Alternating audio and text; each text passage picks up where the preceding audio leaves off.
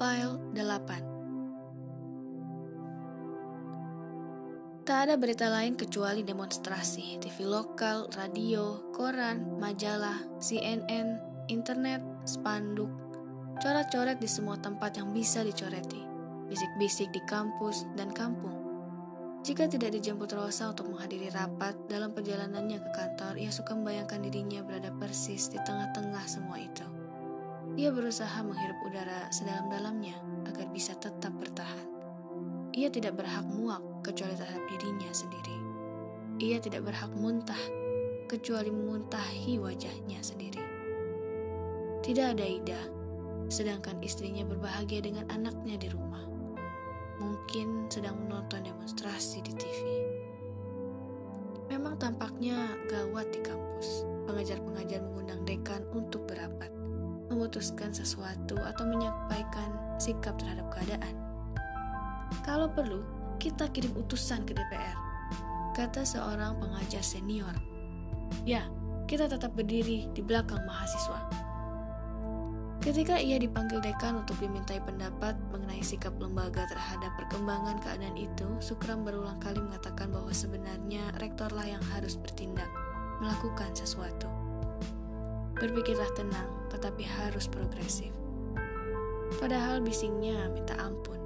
Ia ditanya kenapa tidak mau ikut menandatangani pernyataan itu. Jawabannya gumam saja. Ia sangat khawatir sebenarnya. Yang dihadapi sekarang adalah usaha untuk memaksakan pergantian kekuasaan, persis seperti 30 tahun yang lalu. Jangan sekali-kali meninggalkan sejarah.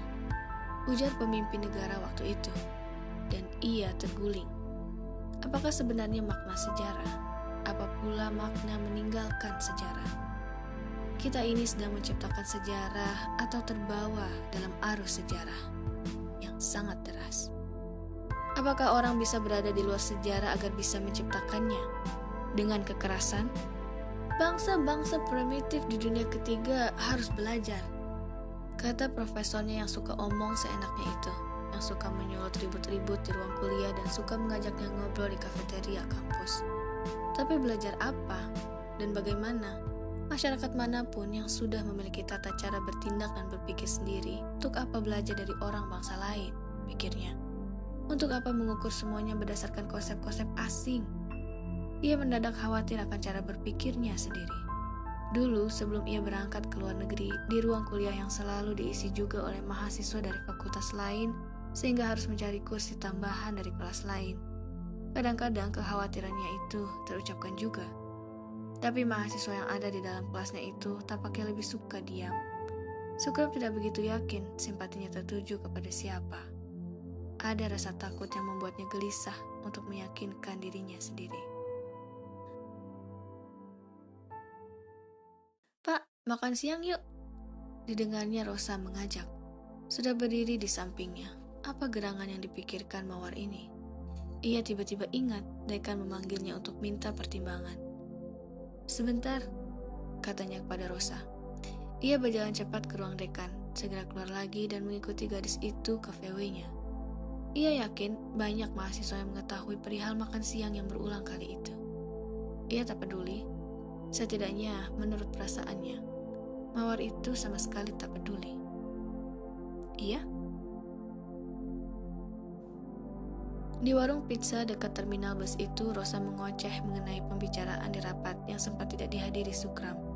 Kekuatan ketiga tampaknya sudah masuk. Mahasiswa harus berteriak lebih keras dan berjuang lebih hebat jika tidak mau kehilangan momentum dan terbenam oleh suara bedil aparat dan yel-yel kekuatan ketiga itu. Gadis itu berjanji menjemputnya besok agar Sukram bisa terlibat dalam pertemuan lagi. Karena ikut rapat atau karena si mawar ini, yang selalu mengenakan jeans biru, yang sering mengenakan jaket untuk menutupi tonjolan di t-shirtnya yang ketat, yang rambutnya pakai poni dan berbau wangi. Ia tidak berani berpikir kenapa bisa mengetahui bau gadis itu, dan juga kedua tonjolan itu, dan bibir itu.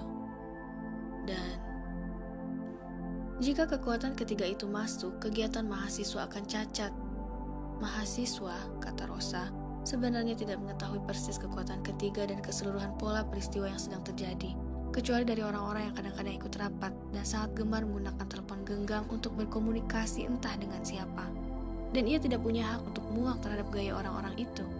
Di kampungnya pun ada satu dua orang yang suka mengajaknya berkumpul untuk membicarakan hal serupa. Rekan-rekannya di kampus pun demikian pula. Tidak jarang terbesit dalam benaknya, kenapa aku mesti pulang? Pulang ke istri dan anaknya. Kenapa tidak ngabur saja ke Kanada atau ke mana? Rumah biasanya menjadi oasis bagi benaknya yang bagai gurun pasir, yang butir-butirnya yang lembut suka bergeser-geser kalau ada angin lewat. Anaknya lucu, sehat, istrinya tidak banyak bicara, kecuali kadang-kadang tentang berita keluarganya di daerah. Mereka barusan kirim surat, katanya pada suatu hari. Mereka mengkhawatirkan Mukram. Ketika pada suatu malam bercinta dengan istrinya, ia sadar bahwa ia juga mengkhawatirkan istri dan anaknya. Gunung pasir dalam benaknya bergeser. Tentara dalam barisan truk, pagat kawat berduri, yel yang tidak sepenuhnya bisa dipahami maknanya, dan gerakan yang sangat pelan tapi pasti di sekelilingnya yang membuatnya hampir putus asa. Tapi mawar seindah ini, apakah ia menyimpan kekhawatiran seperti yang ada dalam benaknya? Apakah ia pura-pura tenang menghadapinya?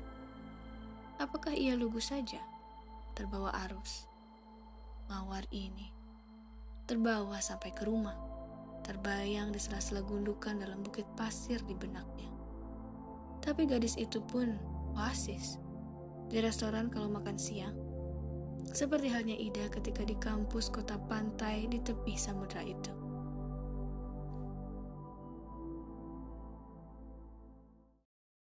Di beberapa dinding di ruang makan, Ruang tamu yang boleh dikatakan menjadi satu dengan ruang makan dan kamar tidur, terlihat beberapa potret perkawinan mereka.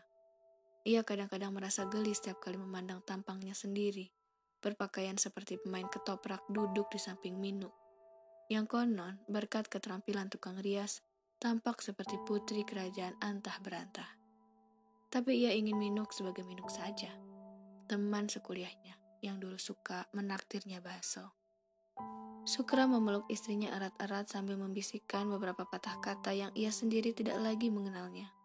Kata-kata yang terasa hilang setiap kali ia bicara dengan istrinya. Kata-kata yang mendadak muncul di sudut paling tersembunyi dalam benaknya. Untuk sekejap kemudian lenyap ketika ia pada suatu malam memeluk Rosa dalam mobil VW-nya. Ada beberapa oasis dalam benaknya dan bukit-bukit pasir itu tidak pernah berhenti bergeser.